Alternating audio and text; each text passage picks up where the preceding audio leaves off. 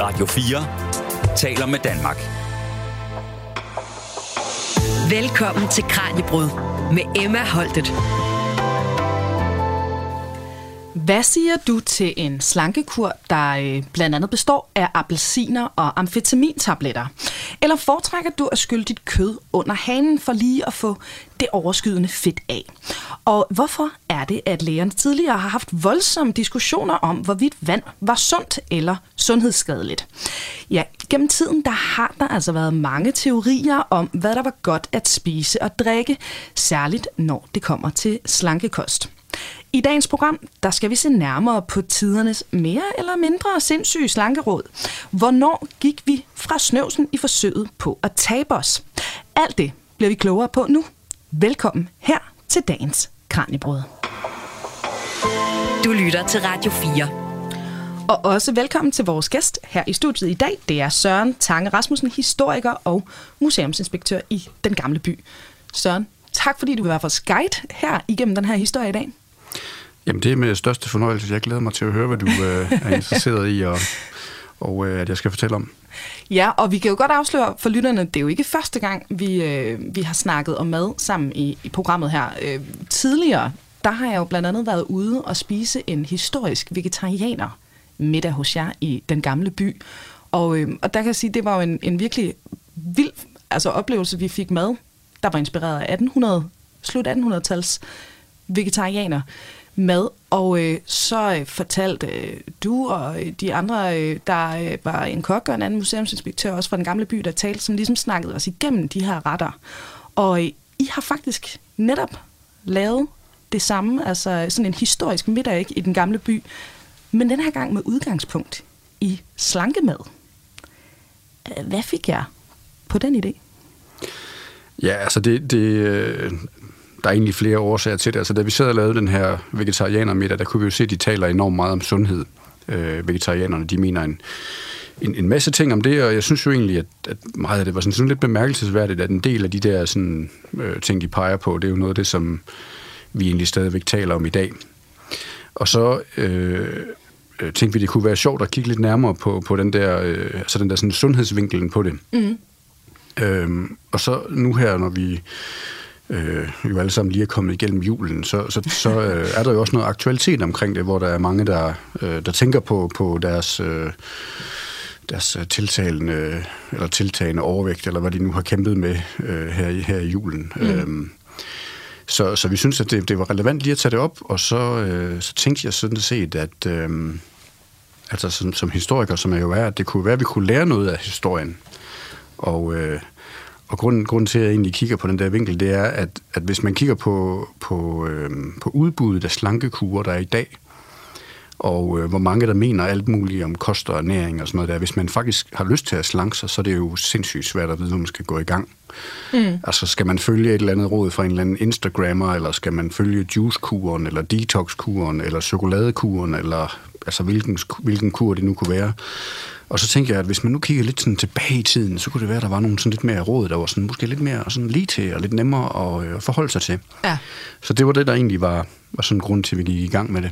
En del af det her med den vegetarianer middag, det var jo altså den her genskabelse af fru Nims menu, der fra slutningen af 1800-tallet, som jeg smagte på sidst, jeg var hos jer. Nu er jeg jo bare lidt nysgerrig på, fordi I havde jo den her middag i går, og altså, nu er jeg selv vegetar, så jeg synes jo, vegetarmad lyder ret lækkert, ikke?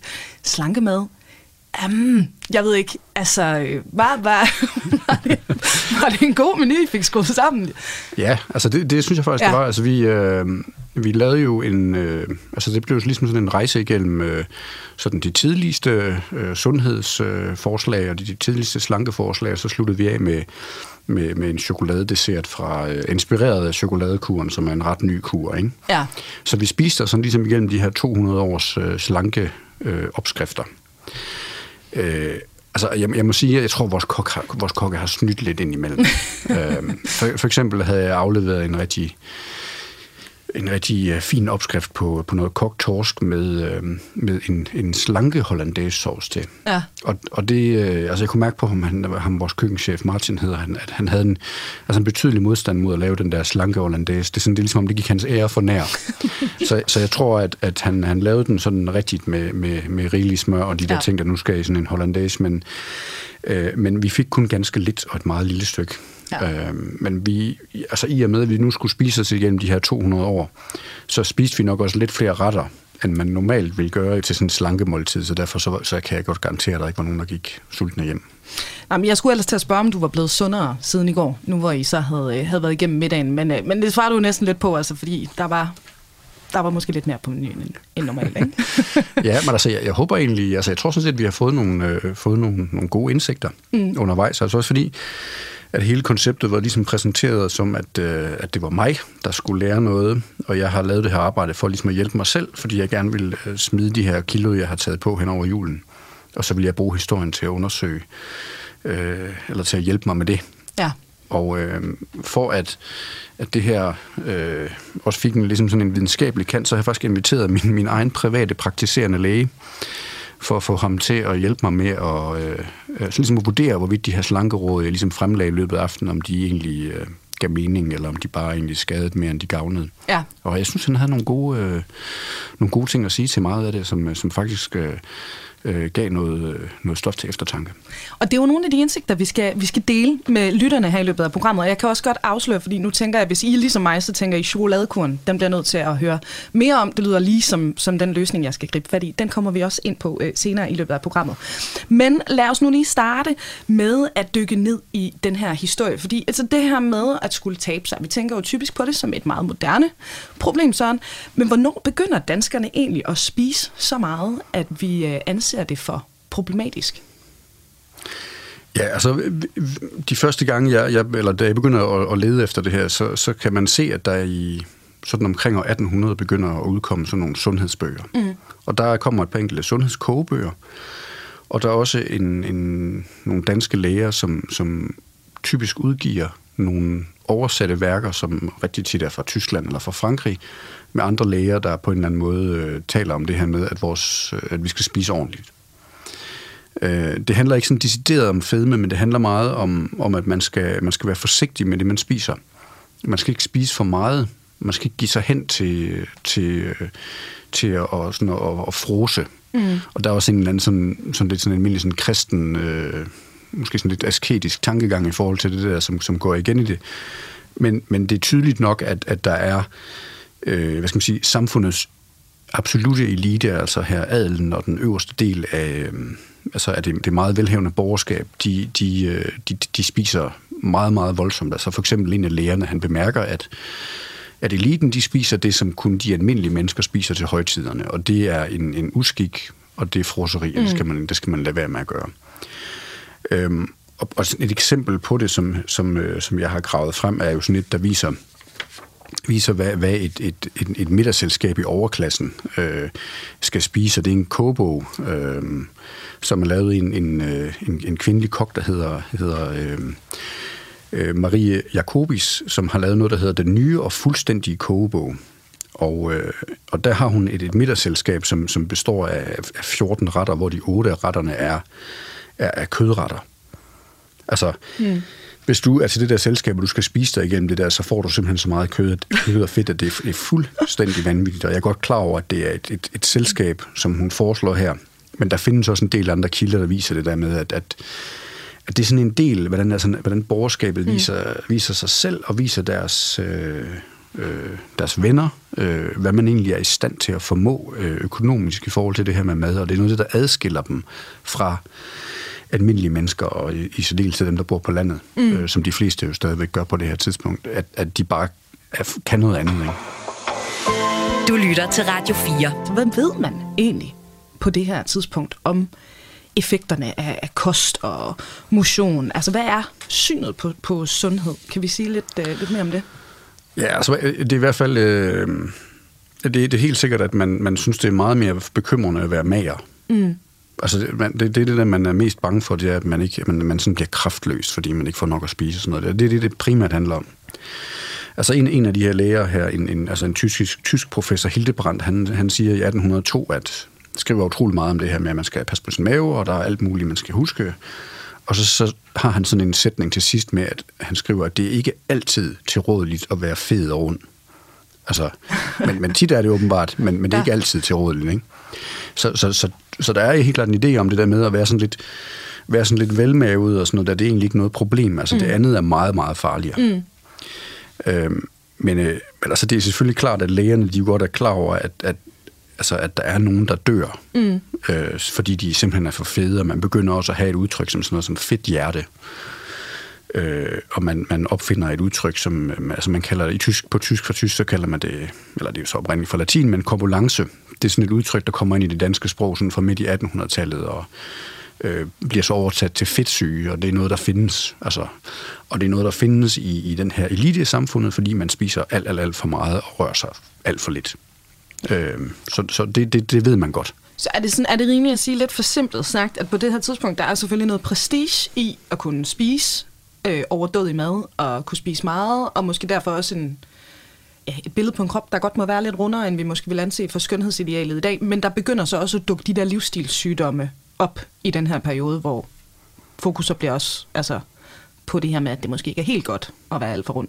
Ja, altså ja. Det, det, det, det ser man. Øh, altså, og, og midt i 1800-tallet, ah, vi er nok kommet op i 1860'erne i virkeligheden, mm. sådan sidst i 50'erne, 60'erne, så begynder der faktisk at komme nogle, nogle, øh, nogle bøger, hvor der er nogle danske læger, som på en eller anden måde øh, taler om noget af det her. Så der er for eksempel en bog, der handler om, at, at, øh, at hvis mænd de skal være i stand til at forplante sig, så skal de være øh, øh, kraftfulde, og de skal være sunde og raske og sådan nogle ting der. Men, men der står også faktisk, at man skal heller ikke være så overvægtig, at man simpelthen ikke er i stand til at, at, at, at øh, formere sig, for mm. eksempel. Mm. Øh, men, men der kommer også øh, en, en række øh, bøger, som, som ligesom fokuserer på nogle forskellige øh, øh, kurer. Øh, og der er en, der hedder Albin Kok, som, øh, som har, har sat sig sådan lidt ind i, hvordan de her tus, tyske øh, kursteder, de, mm. øh, de behandler øh, den her livsstilssygdom, som fedtsygen jo sådan set er. Øh, og han, han anbefaler så noget, der hedder den, den, som han kalder den tyske vandkur. Øh, og det, det går ud på, øh, og det er jo sådan, et, det er jo sådan et, et råd, man faktisk tit hører i forbindelse med folk, der gerne vil slanke sig, at inden man spiser et måltid, så skal man starte med at drikke en masse vand, så maven den er fyldt godt og grundigt op. Så man ikke har så meget, altså man ikke mm. føler sig så sulten, øh, og at maden den sådan hurtigt virker mættende. Og på det her tidspunkt, der midt i 1800-tallet, så har det været et virkelig, virkelig radikalt synspunkt, fordi mange læger, de mente, at, at det var decideret øh, farligt at drikke for meget vand. Og det var selvfølgelig også, fordi vandet tit kunne få være forurenet af en møding, der stod ved siden mm. af brunnen, eller hvad det nu kunne være. Ikke? Øh, men man mente jo, at man helst skulle drikke, drikke det her øl, fordi at det havde, der havde vandet været kogt, i hvert fald øh, som regel havde det været, i hvert fald været, har fået en høj temperatur, mm. så man havde dræbt de værste øh, ting, man ikke ønskede, der skulle være vand. Øh, man vidste jo ikke helt så meget om bakterier endnu og sådan nogle ting her på et tidspunkt, men man vidste godt, at det var ikke alt vand, man kunne drikke. Mm. Så han skriver også en masse om, hvad for en slags vand man kan drikke, og det bedste det er så sådan noget vand, der kommer ned fra nogle friske kilder nede i Tyskland, der løber ned ad bjergene. Ikke? Og hvis man drikker det, og samtidig bader i det også, øh, og så drikker det før måltidet, så, så kan man altså bekæmpe den her fedtsyge.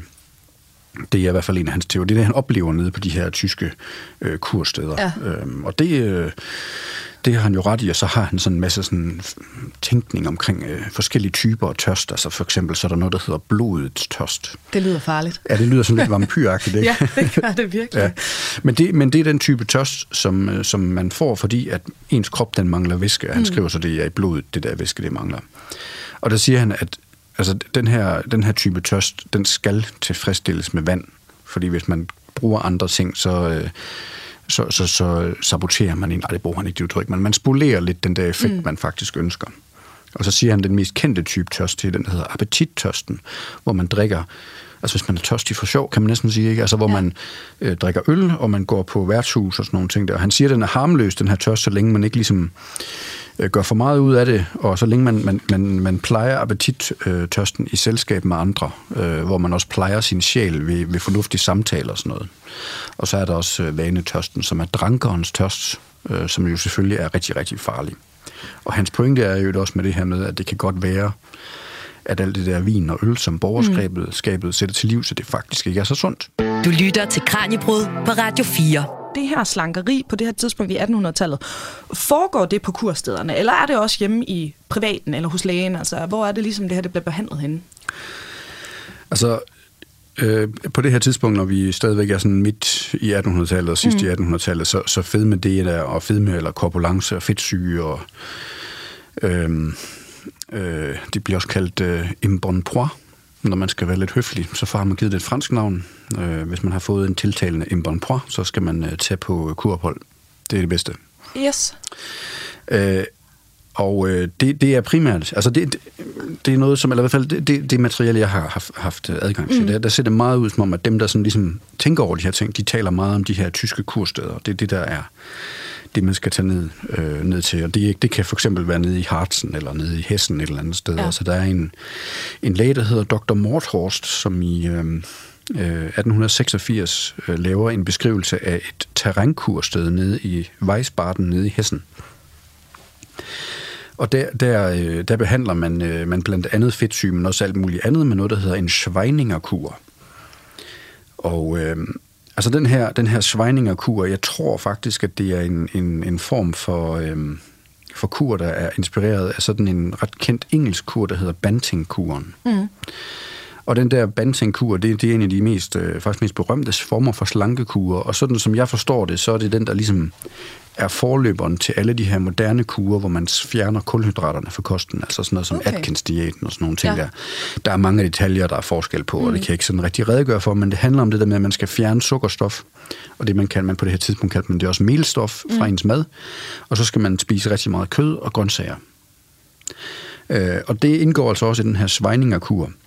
Øh, men det, der er jeg, jeg synes, der er rigtig fint ved den, det er, at man kan sådan forestille sig, at man kommer ned på det her øh, bakkede kursted dernede i, i øh, Weisbaden, nede langs øh, Rhinen, og så skal man øh, hver morgen gå på en vandre- eller klatretur i det bjergrige terræn, og så skal man udføre en eller anden form for gymnastik, som er inspireret af skovhuggeraktiviteter. Okay. Og jeg kan, man kan sådan ligesom se det for sig sådan nogle lidt, lidt øh, kraftige øh, herrer for det bedre borgerskab, ja. der ikke er vant til at udføre noget som helst form for håndens arbejde. At de skal gå op og ned ad bjergene, og så skal de sådan, øh, sådan have sådan en stor sav, de står ligesom og, ja. og saver med og, og hugge i nogle træstammer med nogle økser og sådan noget der, ja. fordi at den her øh, overlæge, der styrer det her sted, har sådan bemærket, at skovhugger, de er aldrig, aldrig øh, tykke. Nej. Øh, og det er de sikkert ikke. Nej. Og så skal man ellers have en, en god nærende kost, der består af kød og grøntsager. Ja. Øh, altså, ej, jeg håber, der er nogle, øh, nogle skovhugger, der bare har kunnet læne sig tilbage, mens de der korpulente danskere, de bare står og laver alt deres arbejde for dem. Men, ja, ja, jeg, jeg, synes, jeg synes, det... Øh, altså, det, det er jo faktisk meget interessant, fordi der, vi, vi snakkede om den her kur i går, og jeg, jeg, jeg, øh, altså, jeg, jeg, jeg synes jo egentlig, at altså, Hvem, hvem tænker, hvem, altså man, du kommer, man kommer der til at slanke sig, tænker jeg, hvis man er på ja. sådan et ophold, hvor man, Jamen, det jeg, hvor man vandrer i bjergene hver dag, og så, øh, og så, så, jeg ved egentlig ikke, om det er sundt nødvendigvis at spise den der, følge den der kur der, men, men øh, masser af fysisk aktivitet, og, ja. så, øh, og så en eller anden sådan form for mådehold, øh, indtale af føde. Jeg tænker, det er en, det er en udmærket kur, den ja. her. Hvad sagde lægen øh, til det? Jamen, han, han, øh, han, han sagde, at, øh, at det var... Øh, altså, han synes også helt klart, at den der motion, den blev mm. rigtig fornuftig. Øh, men han, han var noget skeptisk over for den her øh, form for kur, hvor det er sådan, at man, man spiser så meget kød. Ja.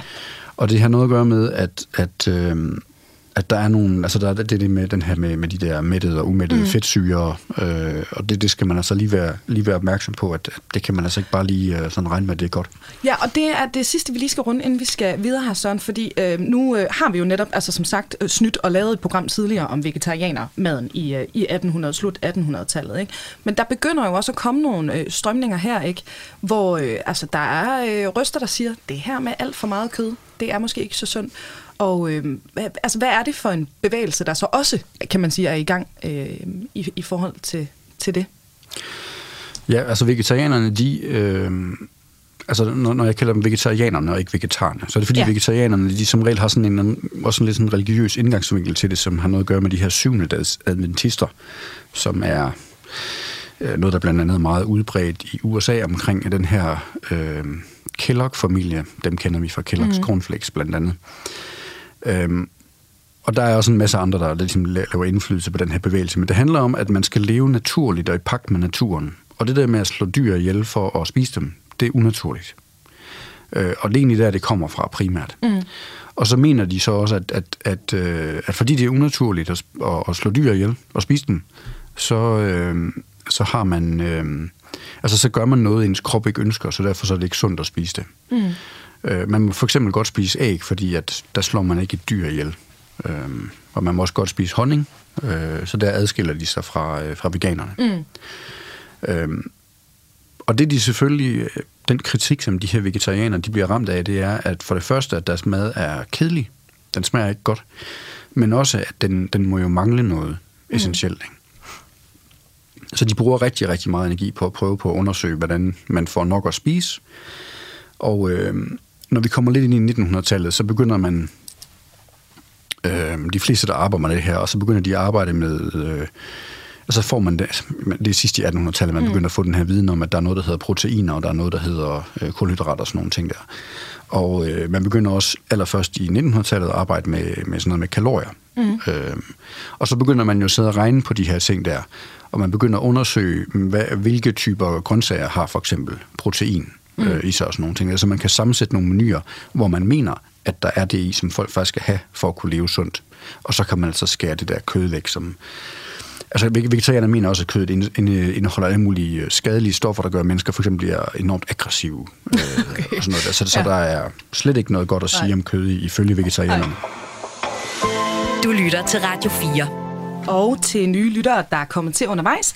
Vi er i fuld sving her med Kranjebrud, dit daglige videnskabsprogram, hvor vi i dag dykker ned i slankekostens historie, og derfor har jeg allieret mig med historiker Søren Tange Rasmussen, der netop har lavet en særlig madoplevelse i den gamle by, hvor alle retterne tog udgangspunkt i netop tidligere tiders slankemad.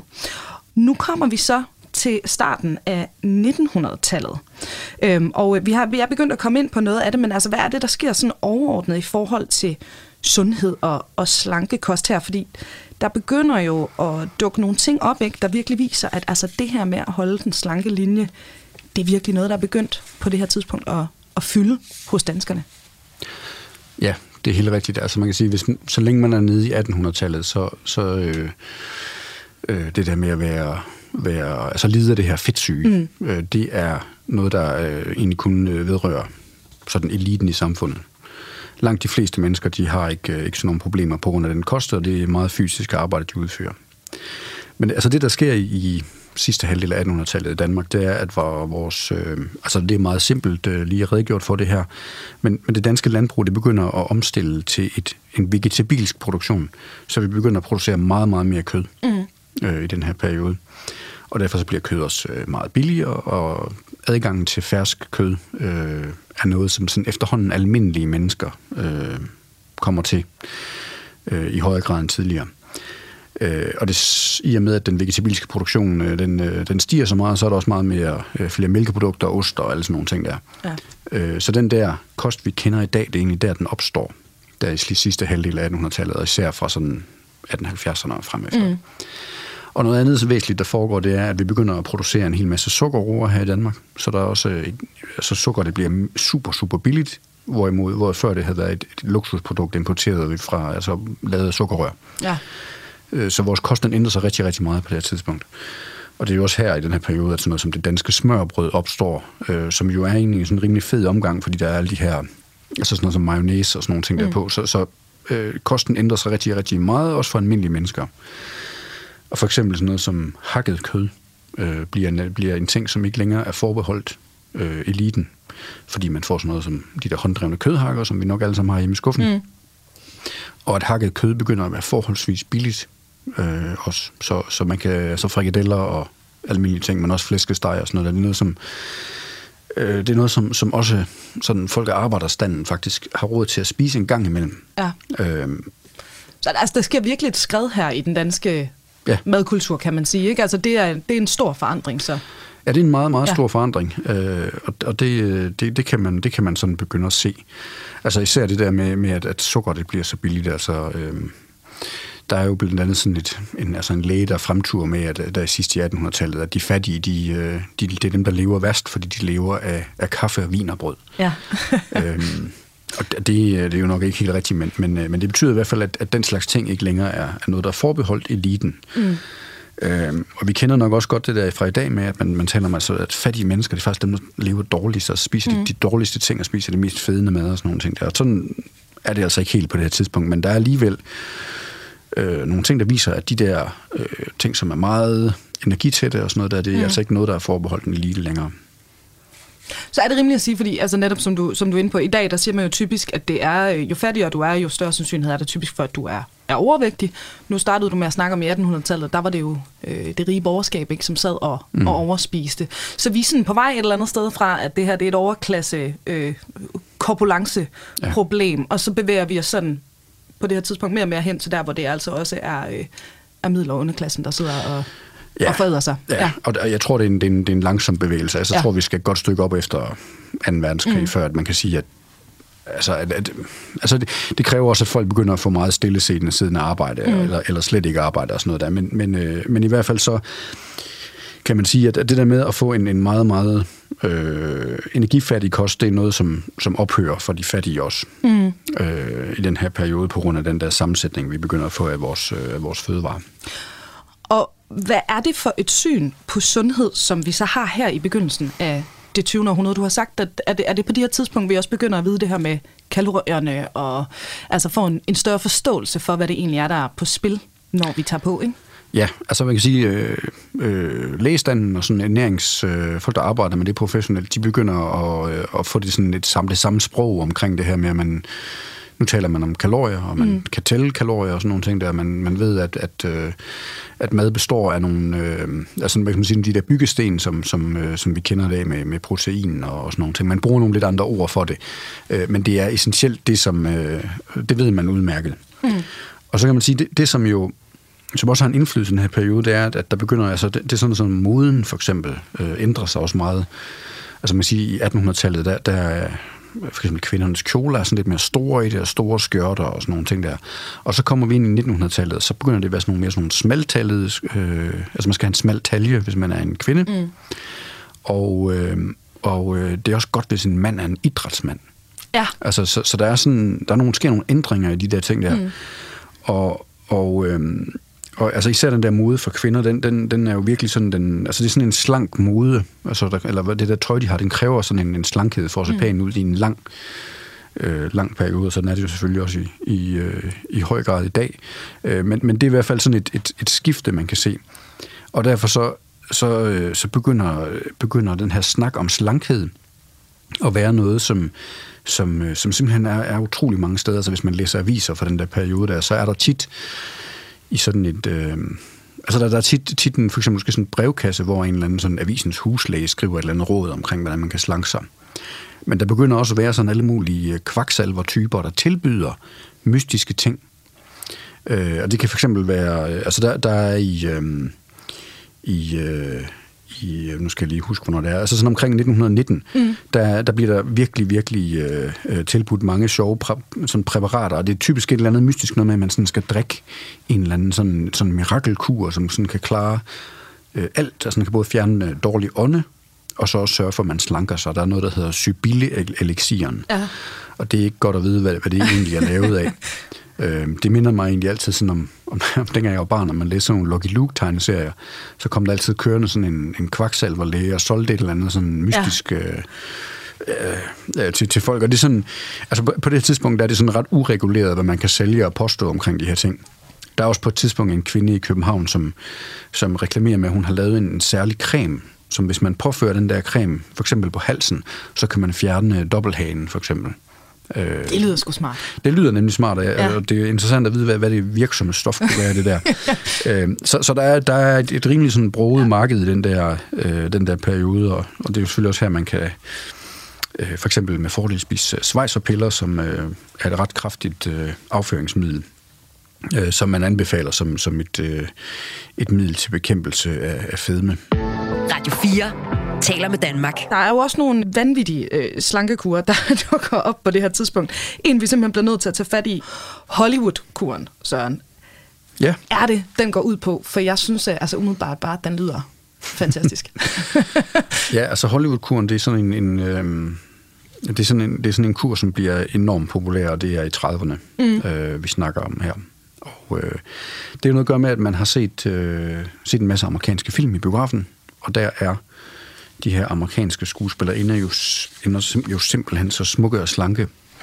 Og det vil man gerne, øh, gerne efterfølge. Og enhver kreativ person i Danmark øh, opfinder så en, øh, en, en, altså opfinder den her Hollywood-kuren, og den, øh, den, den handler om, at man skal spise rigtig mange appelsiner.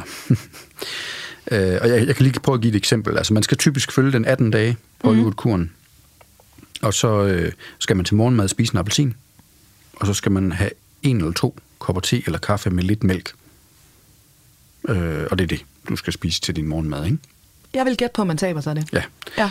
Og så til frokost, øh, der skal du, eller til din middag, hvis du spiser varm mad der, øh, eller ja, til, til middag midt på dagen, der skal du have en appelsin, og så skal du have et hårdkogt æg, og så skal du have et halvt salathoved og otte skiver rå agurk. Ikke 10, så er det meget. Nej, nej otte skiver rå agurk, ikke? Ja, ja. Og så til aftensmad, der må du så spise en kalvekotelet, øh, som øh, er uden ben, og den må veje 180 gram i råvægt. Og så skal den, der er nogle råd til, hvordan de skal steges. Det skal steges ikke i fedt, det skal bare steges lynhurtigt på panden. Og så til din kotelet, så må du få et hårdkogt æg, tre radiser og to oliven og et halvt salathoved og en appelsin. Altså det, det er, nu er det lige en tilfældig dag, jeg lige slår Ja, ja, ja, på, ja, men det er, sådan, det er sådan det der konceptet i det. Ja. Det er, at det er, det er grøntsager, og det er kød, og det er frugt. Og en enorm restriktiv diæt, lyder det som om. Ikke? Det er ikke mange kalorier, de kan få ind med, med det, der er i løbet af en hel dag. Nej, nej, altså det, det er det ikke, og øhm, altså, jeg tænker, man bliver rigtig træt af appelsiner i løbet af de her 18 dage her, hvor man skal spise det til stort set øh, alle, alle måltiderne. Og øhm, ja, ja, altså jo, man, altså jeg er helt sikker på, at man, man, man taber sig, fordi at, at hvis det her, altså hvis jeg for eksempel skulle leve af det her, så ville jeg være rigtig, rigtig sulten, tænker jeg. Øhm, øh, og øh, især hvis jeg gør det, som, som de jo også anbefaler, nemlig at altså, så dyrker en del motion ved siden af, så tror jeg helt klart, at jeg vil køre med et, et, et underskud af kalorier, der gør, at jeg vil tabe mig. Øh, det er helt sikkert. Øh, Og er det rigtigt forstået, at de også på det her tidspunkt, altså hvis du for eksempel er på Hollywood-kuren, lige anbefaler, at man også øh, tager nogle, nogle amfetaminpiller for lige at, at få lidt mere energi, for jeg kunne også forestille sig, at man bliver lidt træt af den der restriktive kost, ikke? ja, Altså. ja, altså du får mig ikke til at anbefale, at øh, man skal tage amfetaminpiller, men... Øh, Men det gør de på det her tidspunkt. Ja, Ja. ja. Ja, altså man kan sige, øh, der står ikke noget i de her forskellige versioner Nej. af, kuren, som eksisterer, som jeg har kunne finde på skrift om, at det er en god idé at tage mm. amfetamin ved siden af. For det tror jeg simpelthen ikke, de anbefaler. Men vi ved bare, i den måde, som kuren bliver beskrevet, at for eksempel der er nogen, der anmelder den, mm. så skriver de, at man skal ikke gøre, som mange gør, nemlig at tage øh, slankemidler ved siden af i medicinsk form. Og dem findes der to slags af på det her tidspunkt her. Det ene, det er det, vi kalder ferietabletter, altså som, som, er, som er amfetamin. Mm. Så man bare kan gå ned og købe på det her tidspunkt på, på apoteket? Eller Ja, altså, I, i, i 30'erne, der kunne man altså stadigvæk købe det. Ja. Øh, købe det sådan mere eller mindre øh, frit i håndkøb. Øh, og så er det først, så vidt jeg ved, under besættelsen, altså fra 1943-44 stykker, at det er egentlig noget, man skal have på recept. Øh, men altså, det, det krævede sådan set bare, at man gik ind til sin læge og sagde, jamen, jeg, jeg føler mig meget træt. Øh, jeg har hørt, at ferietabletter er et, et godt middel mod det, så fik man bare det. Altså, det var ikke, ikke noget, der var... Man mente ikke, det var specielt problematisk på det der tidspunkt mm. der. Og sådan som jeg har forstået effekten af amfetamin, så betyder det jo, at man, man får en helt utrolig masse energi. Øh, Man øh, får meget kraftigt nedsat appetit, og, øh, og så, altså, man, så kan man jo heller ikke sove ret godt. Nej.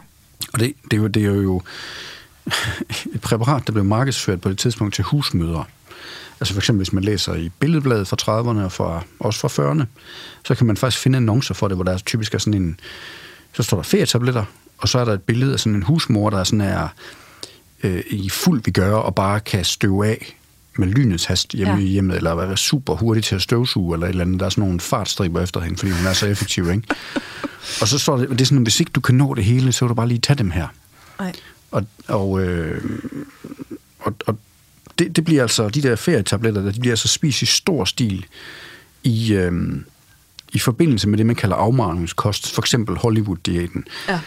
Øh, og ikke fordi jeg ved noget om det, men altså, jeg kan godt forestille mig, at øh, de her øh, amerikanske skuespillerinder, de sikkert også har taget en del af, øh, hvad skal man sige, præstationsfremmer i forbindelse med de der kurer, de mm. har været på.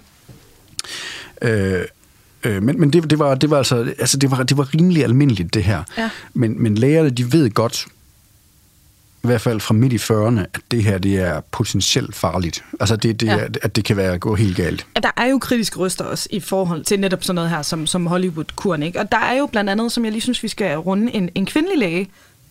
Ja, altså, øh, Johanne Christensen er jo... Øh, altså, hun er faktisk en af de første øh, danske læge, øh, kvindelige læger. Mm. Øh, og øh, der i 40'erne, eller der sidst i, sidst i øh, 30'erne og i 40'erne, der har hun været læge i mange år. Og en erfaren person, der faktisk er, er særlig altså ekspert i ernæring. Ja. Og hvordan maven virker og sådan nogle ting der. Og hun, øh, hun udgiver en, en, en serie af, af råd om, hvordan man skal spise for at være, være sund og rask, men også hvordan man kan slanke sig. Altså, der er blandt andet en pjece, der hedder kortfattede afmavringsregler og sådan nogle ting der. Og hun forfægter det synspunkt, at hvis du skal tabe dig, så skal du bare så skal du spise mindre, end du har brug for i en periode, så taber du dig. Det er så simpelt i hendes verden, ikke? Altså, du skal spise, øh, optage mindre energi, end du har brug for, øh, og så kan du øh, pille ved nogle ting, nogle parametre, og det er jo for eksempel, at hvis du øh, øh, simpelthen ikke kan holde en kur, der er så streng, mm. så må du jo så forøge din, dit, dit forbrug af energi. Ja. Ja.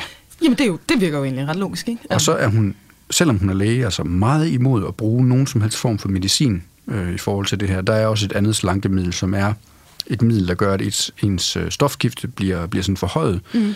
så man forbrænder mere. Det synes hun heller ikke, man, man skal anvende. Altså, og slet ikke, øh, slet ikke amfetamin. Og for eksempel øh, Hollywood-kuren, den, den, øh, den, den siger hun, altså den, den er så øh, voldsom ved dit læme, mm. at du kun skal... Øh, skal følge den, hvis det er sådan, at du, du er så syg, at det er nødvendigt for dig akut at tabe dig. Ja. Øh, og, og hun har den faktisk også med i sin egen, øh, sin egen lægebog, øh, øh, men, men har nogle ret øh, kraftige advarsler omkring at bruge den. Altså, du skal hele tiden have en læge, der ligesom mm. monitorerer din, din, øh, øh, din sundhed i forbindelse med det her, ikke? Ja, så fuldstændig ligesom i dag, så er det her med, hvad der er sundt, hvordan man skal tabe sig, hvad der er det rigtige at gøre, det er altså også på det her tidspunkt noget, som vi kan høre, der bliver, bliver diskuteret. Øhm, jeg er meget nysgerrig på, Søren, for når vi nu snakker om jeres middag, som I, øh, I skruede sammen, altså jeg øh, går ikke ud fra, at der var feriepiller til gæsterne i, i den gamle by. Så i forhold til de her sådan lidt ekstreme start 1900-tals øh, slanke råd, hvad havde I så med der, der var inspireret af, af dem? Altså, øh, vi, øh, vi, vi havde faktisk lidt en pointe med, at der er nogle af de øh, læger også tidligt, øh, som, som faktisk har fat i noget af det helt rigtige. Så det, var- det var egentlig det, vi talte om. Ja. Øhm, og øh, noget, noget, vi for eksempel redegjorde for, det var, at, at der var en, en, sådan en hel række af læger, som, som der i begyndelsen af det 20. århundrede begynder at arbejde som det, vi kalder kalorietællerne. Mm. Øh, hvor nogle af de der råd, de bruger, det er, at hvis du længere, hvis du sørger for at spise rimelig varieret, så handler det ikke om, hvad du spiser. Altså for eksempel, det, det er ikke vigtigt, om det er sådan med, med ekstremt mange appelsiner, for eksempel. Mm. Altså du kan godt spise almindelig dansk mad, du skal bare sørge for at overholde den kvote af Ja. kalorier, du har til rådighed. Så det er Johanne Christiansen blandt andet, og, Ja. og andre. Ja. Det, det er det også, Ja. ja. også en, en tidlig en, en, en, en læge, der hedder Erik Faber, som er overlæge på et, en kulturanstand, der hedder Montebello, der ligger i Hel- Helsingør. Han udgiver allerede i 1925 en, en, en ret, øh, ret god bog, der er simpelthen er en, en, en kogebog for, for afmavnsdiæt, hvor han sådan forklarer på en folkelig måde, hvordan de her ting hænger sammen. ja. Han har sådan en dejlig øh, metafor, han arbejder med, hvor han siger, at den menneskelige krop er en, er en dampmaskine. og ligesom en dampmaskine, så, så, skal, så skal man have man skal have den rigtige, øh, altså den skal, det er de rigtige kul, der skal smides i dampmaskinen. Og hvis man fyrer for meget i dampmaskinen, uden at man ligesom øh, bruger den der energi, man opbygger, så ender den med at eksplodere. Ikke? Mm. Og det, øh, nogle gange så skal man passe på med at blive for længe i en metafor, ikke? Men, men, øh, men det er den måde, han så ligesom forklarer, hvordan de virker det her mm. øh, på for folk. Jeg synes faktisk, det er en ret, ret super måde, og jeg mener faktisk, sådan som jeg kan forstå det, at de ting, han anbefaler her i 1925, at de holder egentlig meget godt i dag, øh, de her råd der. Og det var egentlig det, vi gerne ville, øh, ville formidle, øh, blandt andet i går. Og den tanke, den synes jeg lige, vi skal holde fast i, at øh, man måske allerede i 1925 øh, havde fat i noget af det rigtige, når vi så dykker ned i 80'erne og øh, 90'erne. Du lytter til Radio 4. Og med her i studiet i dag, der har jeg madhistoriker og museumsinspektør i Den Gamle By, Søren Tange Rasmussen, og vi dykker lige nu ned i øh, en af de øh, sidste dele her af dagens slankehistorie, fordi nu kommer vi altså som sagt til 80'erne og 90'erne. Og øh, selvom vi altså har at gøre her med øh, ja, moderne, oplyste tider, så er det ikke fordi, at øh, alle slankerådene af den grund er øh, fornuftige. Øh, ja, altså... Øh, nogle af de øh, øh, moderne slankekurser, vi har været inde på det, der dominerer i den her tid, øh, og som de fleste nok stadigvæk har rimelig friske i rendringen, ikke? det er jo for eksempel Atkins, øh, Atkins-diæten, hvor man altså, som vi har været inde på, skærer kulhydraterne ud af kosten. Det har man altså også historisk set, øh, som du siger, haft øje for. Ikke? Øh, men hvad er det ellers, der præger madhistorien i forhold til, til, til slankekost og de her ernæringsråd, når vi kigger på sådan 80'erne og 90'erne? Hvad er det, man anbefaler folk? Ja, altså i, i 80'erne og 90'erne, der, øh, der får, man, øh, får man især øje på fedt, mm. som, øh, som en af de der ting, man mener, der er den værste årsag til det, til, til overvægt. Altså, så derfor så begynder man at, øh, at skære, skære så meget fedt væk, man overhovedet kan fra, fra kosten.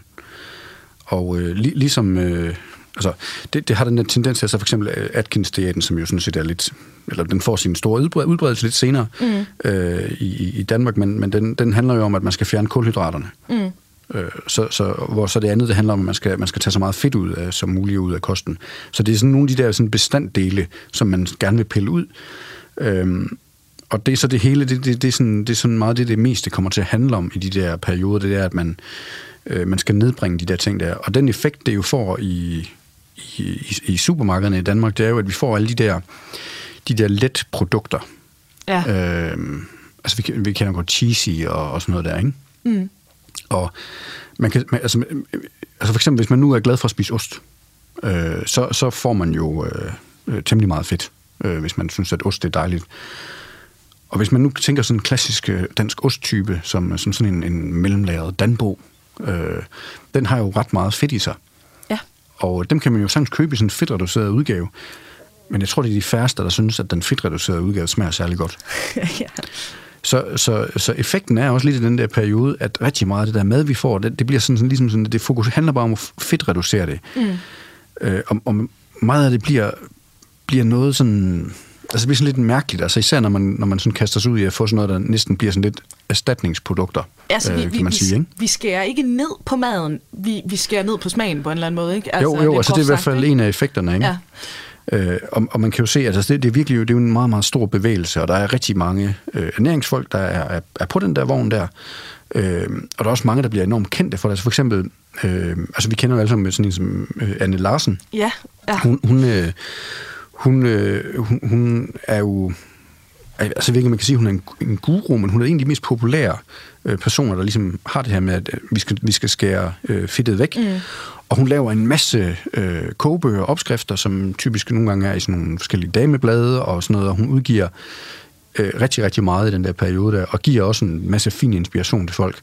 Og hendes, hvad skal man sige, hvad skal man sige, hendes fald bliver jo, bliver jo øh, det her tv-program, hvor hun øh, altså hvor hun skyller øh, noget, noget fars, hun har stået og tilberedt under den varme hane, sådan at, at man kan skylle fedtet ud af det.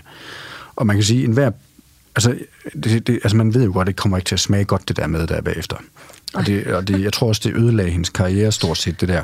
Men det var sådan et, et øh, og jeg synes, det var sådan et eksempel på, hvordan man, hvis man går sådan for meget i en eller anden ekstrem retning, så får man, altså måske mister man en eller anden form for fokus for, hvad det egentlig er, det handler om. Ja. Altså, Øh, det, altså, jeg synes det er rimeligt at sige, det bliver måske lidt vanvittigt, ikke? hvis man står og skyller, skyller jo, fedtet af, af noget fars. Ikke? Altså, det virker jo, jo sådan lidt, og, lidt skørt. Og, og, og nu, nu fokuserede man på det, og så jeg synes, det er ret egentlig lidt uretfærdigt, fordi hun har virkelig lavet, altså jeg har siddet og kigget i hendes der er meget mm-hmm. det der med, hvor man tænker, jamen det her, det handler bare om at lave en super spændende, lækker salat, uden at hælde mega meget olivenolie på den. Ikke? Mm. Og det er sådan, jamen ja, det giver fin mening, og den ja. ser lækker ud, den til, den vil jeg gerne spise til enhver tid. Ikke? Så, så, så det er lidt uretfærdigt, og, og, når man tænker på en Larsen, mm. og så bare snakke om det der øh, men det er rigtigt, det står tilbage ikke? som det billede, ja, men det er det, man, husker, det, man altså, har, ja. og det, det synes jeg egentlig, det er uretfærdigt, fordi ja. jeg tror egentlig, hun har, øh, har hjulpet ret mange øh, mennesker med de her ting her gennem, gennem årene. Øh, så, så på den måde, så synes jeg, at det er, det er udmærket. Øh, ja. Og i forhold til det her, fordi netop altså, nogle af de her ting, når man lige sådan sætter dem på spidsen, så kan de godt lyde sådan lidt, lidt fjollede og så videre. Og der, øh, der øh, tænker jeg også lige her på, på det, der hedder chokoladekuren, som vi også lige skal nå at runde. Øh, fordi jeg ved, I havde nemlig noget på, øh, på øh, menuen til desserten, som altså var inspireret af, af det her. ikke. Øh, chokoladekuren, altså det lyder jo også umiddelbart helt ærligt som et ret skørt koncept. Ja, det er det, og det er... Øh, altså jeg vil sige, det, jeg vil sige, det er... Altså nu, nu der findes forskellige chokoladekurer, der er nogen, der påstår, at hvis du øh, kun spiser den mest sådan hæftige øh, Valrhona, den sorteste øh, chokolade, man kan finde, så, så, så gør det alt muligt godt ved en og sådan noget, og chokoladen har en særlig egenskaber og alt muligt andet. Men det som den her chokoladekur, som, som vi har fundet frem til, det er sådan set en, en, en der har skrevet en slankebog, mm. som, som handler om, at man, øh, man, hvis man spiser sundt til daglig, så må man gerne spise noget dejligt chokolade engang imellem. Også som en ekstravagant dessert, hvis det er sådan, man sørger for at holde styr på de andre ting. Ja. Det, det, det lyder jo ikke så skørt, når man så siger det på den måde, ikke? Nej, altså, nej jeg synes sådan, at det lyder fuldstændig rimeligt, ja. altså, hvor man kan sige, det, det, det, er, øh, det er nok mere sådan den der markedsføring af det, får mm. det til at lyde som om, at hey, jeg skal bare blive mega slank med at spise rigtig meget chokolade, og det er ja. virkelig ikke det, det handler om. Nej. Øh, det handler for den øh, Kobos forfatter om, at du skal lade være med at købe det der øh, bake-off øh, klam vinerbrød nede på en tankstation, mm. fordi du øh, er blevet super sulten lige pludselig. Fordi hvis du gør det, så ødelægger du det for selv. Altså, du, skal, du skal glæde dig til, at du skal spise det der lækre chokolade, og så skal du tilberede det ordentligt. Og det må godt være ekstravagant, det skal bare være ordentligt, og det skal være ved særlige lejligheder. Og det, det kan man jo godt... Altså, Ja, det, det er jo, men, men så dem af os, der hører chokoladekorn og tænker, fedt mand, det betyder bare, at jeg kan ja. leve af chokolade, så tab mig. Det er ja. så ikke det, der egentlig er nej, tilfældet med den. Nej, det er ikke. Og jeg synes, altså jeg synes jo faktisk egentlig, at den, den rummer nogle af de der problemstillinger, der er med, med de her kurer, som, som ligesom eksisterer i vores mm. tid, eller har eksisteret de sidste 20 år, sådan siden år 2000 og så frem efter. Ikke? Hvor at, at så, er det, så er det juicekuren. Ja. Så er det... Så er det øh, altså, suppekuren. Ja, suppekuren været, og spinat og blåbærkuren mm. og jeg ved ikke hvad. Øhm, altså, hvor, hvor det på en eller anden måde er sådan... Altså, for det første, så, så er det lidt uklart, hvem der, hvem der er afsender af de her kurer mm. her. Øh, så er det sådan noget med, at du ved, sådan, det er Australiens store slanke guru, står, står der så, ikke? Og hvor det sådan, ja, fint nok. Øh, det er fuldstændig umuligt som, øh, ja, som forbruger af slankekurer at vide, hvem der har lavet det, om det er nogen, der ved noget som helst, eller om det er bare sådan, at den seneste dille over for Hollywood. Ja. Øh, og det, er, det kan være, om det er raw food, øh, og hvad det nu er, sådan noget.